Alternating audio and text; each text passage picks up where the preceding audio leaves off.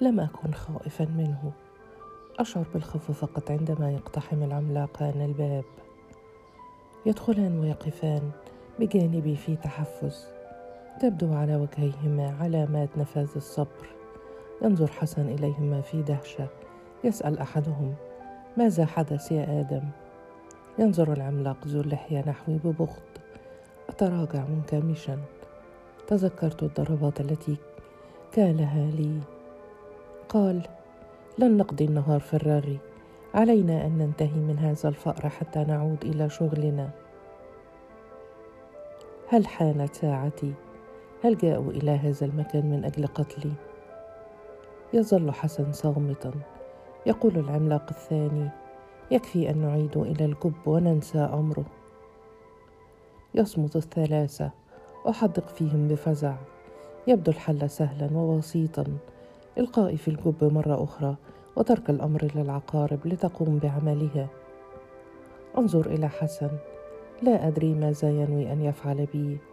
إلى أي مدى قد تغير وتبدلت شخصيته؟ ظل وجهه جامدا. يقول أخيرا إنه ليس عميلا للشرطة ولا من رجال الباشا. إنه قادم من بلدتي بالفعل. لقد تأكدت من ذلك والأمر لا يخص عملنا من قريب ولا من بعيد. تدهشني كلماته. تدهشهم أيضا. ربما لم يكن حسن القديم قد مات بأكمله. هناك بداخله بقيه من ذكرى قديمة. عاطفة لم تخب بعد. ينظر العملاقان الواحد إلى الآخر مستغربين من هذه اللحظة الواهنة من الضعف. يهمهم آدم غاضبا. لا يهم أصله وفصله. لقد تبعنا. ورأى وجوهنا. من المستحيل أن نتركه طليقا. لقد اتفقنا قبل أن نجازف ونذهب لاصطياده من قلعة الكبش. انكمش في مكاني. كضفدع مرتجف. أدير بصري. بينهما حائر. أظل صامتا. يتنفسون غضبا وهم يقررون مصيري. يتعلق بصري بوجه حسن أيستطيع إيقافهم أم يخضع لهم؟ ماذا يحاولون إخفاءه بالضبط؟ هل هم لصوص مهربون قتلة؟ أريد أن أصرخ فيهم باكيا ومتوسلا أنه ليس لي صلة بأي شيء ولكني أقف جامدا كالمشلول. يقول حسن في حزم سنضعه في الجب في الوقت المناسب. ما زلت في حاجة إلى المزيد من المعلومات منه. إنه موجود تحت أيدينا. لن يذهب بعيدا. يزمجر الاثنان معا. كانا متشوقين لقتلي إلى درجة كبيرة.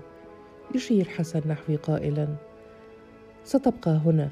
لن تتحرك من هنا خطوة واحدة حتى نعود إليك. لا يترك لهما فرصة للنقاش. أمامي على الأقل. ينهض واقفا ويخرج من الغرفة من دون أن يلقي نظرة على أحد.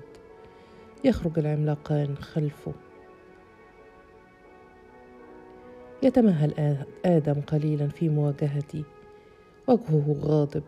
يضم قبضته متاهبا لسحقي يلوح بها مهددا. قال يمكنك أن تترك هذا الدير المهجور وتهرب بعيدا. إذا لم تمت في الجب فستموت في الصحراء. يتركني وأنا أشد رعبا. أتكوم على الحصير وأستند إلى الجدار. أعرف أنهم في الخارج يتناقشون في مصيري. أتطلع إلى القاعة المتربة. سقفها متقوس. قبة مليئة بالثقوب ينفذ من خلالها ضوء النهار الذي بدا يصبح شحيحا. يوم طويل يوشك على الموت. مثلي تماما. أتأمل صور القديسين المذهبه صورة العذراء تحمل وليدها. راهب يرفع ذراعيه عاليا. كتابات بحروف غريبة. كيف امتلأ مثل هذا المكان بالمجرمين؟ هل يفعلها حسن ويقتلني؟ يقتلني ثلاثتهم. ولكنهم خائفون. لذا لجأوا إلى هذا المكان القصي. متى تحول العاشق الذي كان معيدا في كلية الهندسة إلى مجرم؟ أفي السجن أم في هذا الدير المهجور؟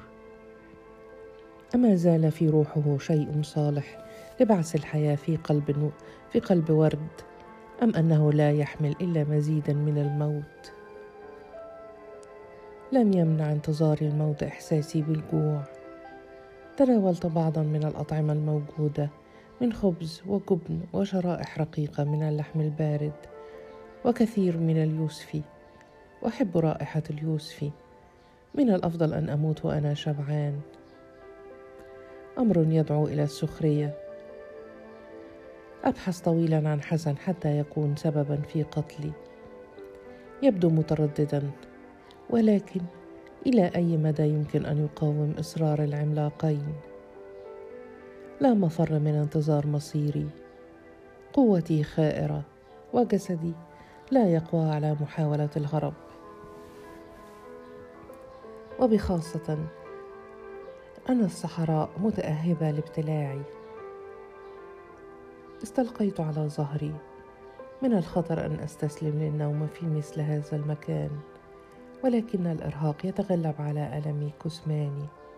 أغمضت عيني أدخل في ظلمة ظلمة قلقة خالية من الأحلام أتوقع أن يأتوا إلى الغرفة في أي لحظة للقضاء علي ولكن هذا لا يعطل نومي يوقظني صوت صرخة أنهض مفزوعا هل هي صرختي؟ هل ألقوا بي في الجب؟ ما زلت في الغرفة المعتمة نائما على الحصير بالقرب من بقايا الطعام الصرخة تأتي من الخارج تخص واحدا من الرجال الثلاثة. هل يتصارعون؟ هل يقتل بعضهم بعضا؟ حسن هو أملي الوحيد. لو أنهم قتلوه فسوف أخسر فرصتي الضئيلة في الحياة. هو الذي منعهم من قتلي. أرتجف من دون أن أفهم ماذا يحدث. أأذهب إليهم. أم أبحث عن مكان أختبئ فيه؟ لا شأن بالرجال الذين ينتوون قتلي. الليل يأخذ بخناقي ويجعلني عاجزا مشلولا في مكاني. ولكن باب الغرفة يفتح بعنف. يظهر حسن وهو يحمل مصباحا غازيا. يهتف بي تعال معي فورا. يغادر الغرفة مسرعا. لا أجد بدا من النهوض والعدو خلفه. ندخل أروقة مظلمة لا ينيرها سوى المصباح الذي يحمله. نمر بصوامع مخربة وغرف صغيرة. نخرج إلى الفناء الذي تلقيت فيه الضربات في الصباح. العملاق آدم مستلقي على الأرض. جسده ينتفض في تشنجات متتابعة. يسيل لعابه كثيفا من فمه. تهتز لحيته مع كل انتفاضة. العملاق الثاني جالس على ركبتيه بجانبه. أقول مذعورا هل لدغاه عقرب؟ أومأ العملاق. جسد آدم العملاق الذي أوقفني على حافة الموت نائم عاجز. عدت أسأله هل هرب العقرب؟ أشار العملاق قائلا لقد لحقت به وقتلته. بقاياه موجودة هناك. يضيق حسن بأسئلتي. يصيح متوترا. تقول أنك طالب نهائي طب افعل شيئا. لا أبالي بصياحه. أمد يدي وآخذ المصباح من يده. أتأمل بقايا العقرب المهشم. لونه مائل للصفرة وذيله أطول من العقرب الذي قتلته. أهتف بهما. إنه العقرب الأصفر. أخطر أنواع العقارب. يجب أن نتصرف بسرعة. يشير العملاق إلى سروال أدهم الممزق. تبرز ساقيه العارية. في منتصفها توجد نقطة سوداء صغيرة. تحوطها دائرة حمراء قانية. أشرت إلى العملاق ليمسك بالجسد المتشنج ويثبته في الأرض. أفك رباط حذائي وألفه حول ساق الرجل الملقى. أعلى مكان اللدغة. رأيت هذا المشهد كثيرا في الأفلام ولكني في حاجة إلى مبضع حتى أخرج هذا الرأس الأسود. أنظر إلى حسن وأقول آمرا أنا في حاجة إلى مصل ضد العقارب وحقنة للكالسيوم لأقلل من هذه التشنجات. وفي حاجة أيضا إلى دواء مخفض للحرارة. ما زال ينظر نحوي في ارتياب يتساءل في بلاهة هل ينقذه ذلك؟ لا أريد الدخول في شرح التفاصيل أشير برأسي مؤكدا. ينهض العملاق الآخر قائلا أستطيع الذهاب إلى أقرب منطقة للعمار. سأذهب وأعود بالسيارة في ثلاث ساعات. هل سيصمد كل هذا الوقت؟ لم أكن متاكدا من شيء. الجسد الضخم يرتجف ويحاول أن يتقيأ تنسال من فمه عصارة صفراء بلا توقف. أقول سيؤخر الرباط وصول السم إلى بقية الجسد وسأرطب الجرح بالماء طوال هذه الفترة. ينظر حسن إلي محذرا. أذكر له كل الاحتياجات. لا تنسى شيئا.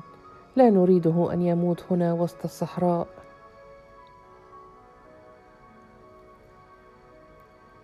هل بدأ يثق بي ولو قليلا. هل سيؤخر هذا موعد موتي؟ تتزايد الانتفاضات ومحاولات التقيؤ. ساعتان أو ثلاث ستكون قاضية في حياة هذا العملاق الذي أصبح أشبه بخرقة كريهة الرائحه يعدو العملاق الآخر مسرعا. أكتشف أنه كانت هناك سيارة جيب سوداء في ركن من الفناء. كيف لم أرها من قبل؟ زام المحرك في عنف واحتكت عجلاتها بالأرض مثيره للرمال.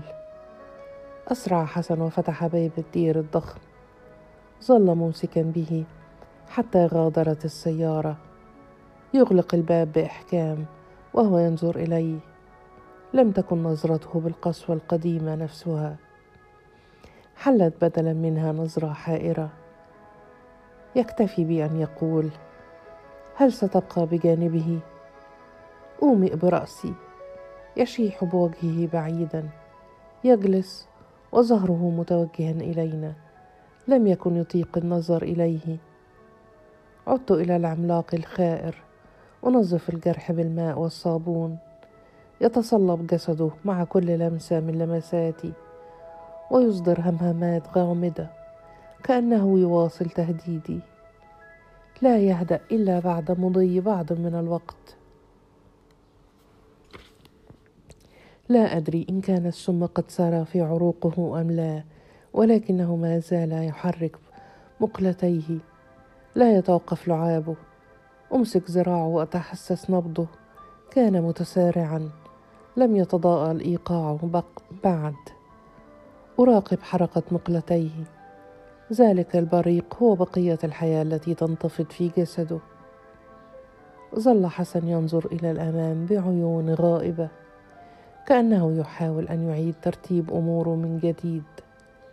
أشعر بالخوف ولا أريد أن أشهد موتا آخر. يلتف حسن نحوي ويقول فجأة هل سيشفى عندما يأتي الصباح؟ إذا لم يمت الليلة فسوف يستغرق وقتا حتى يتعافى. لماذا لا ننقله إلى أحد المستشفيات؟ قال لا نستطيع ذلك. لا نريد أن نترك خلفنا دليلا بمثل هذا العجز.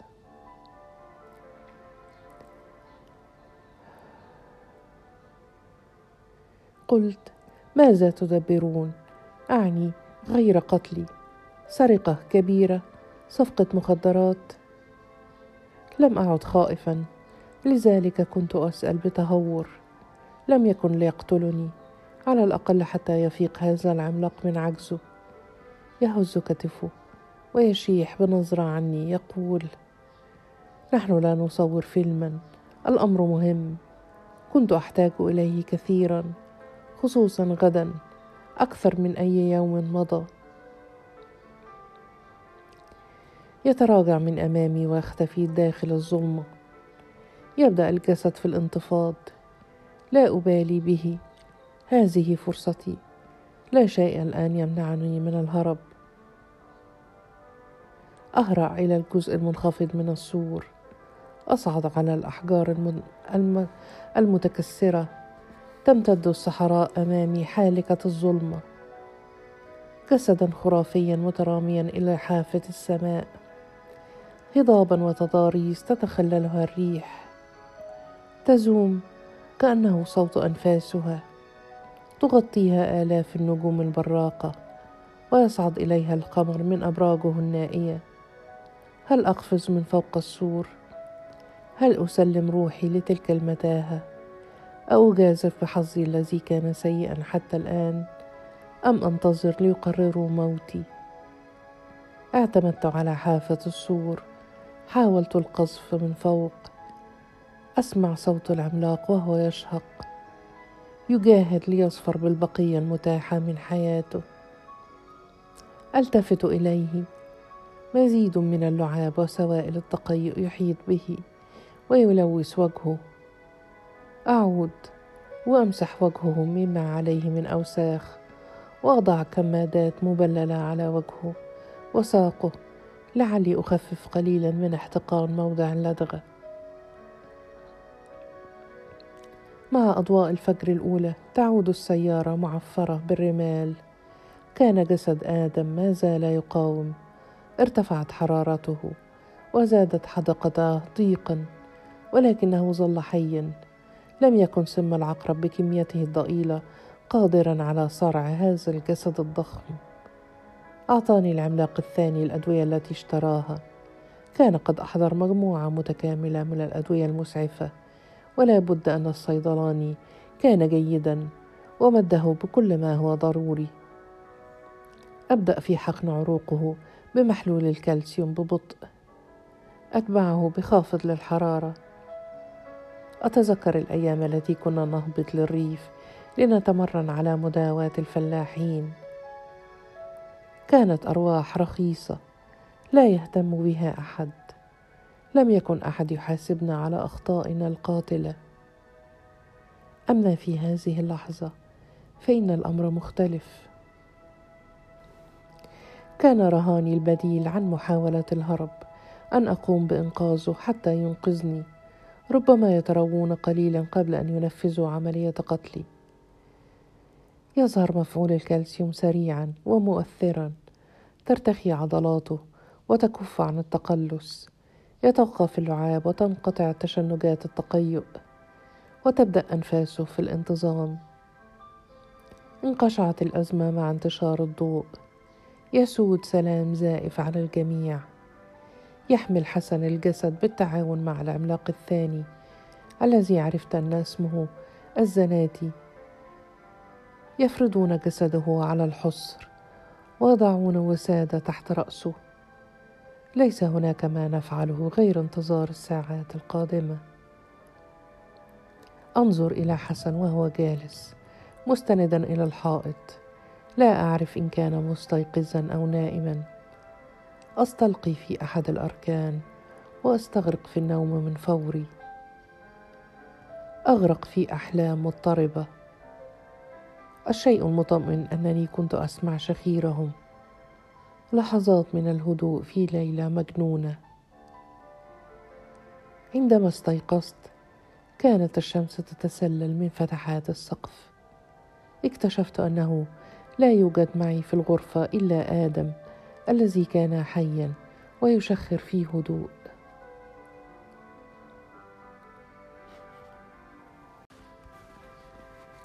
أجلس ملتفا حول نفسي وقد تيبست كل أطرافي. أكتفي بمراقبة الجسد. أشعر أن من واجبي أن أعتني به.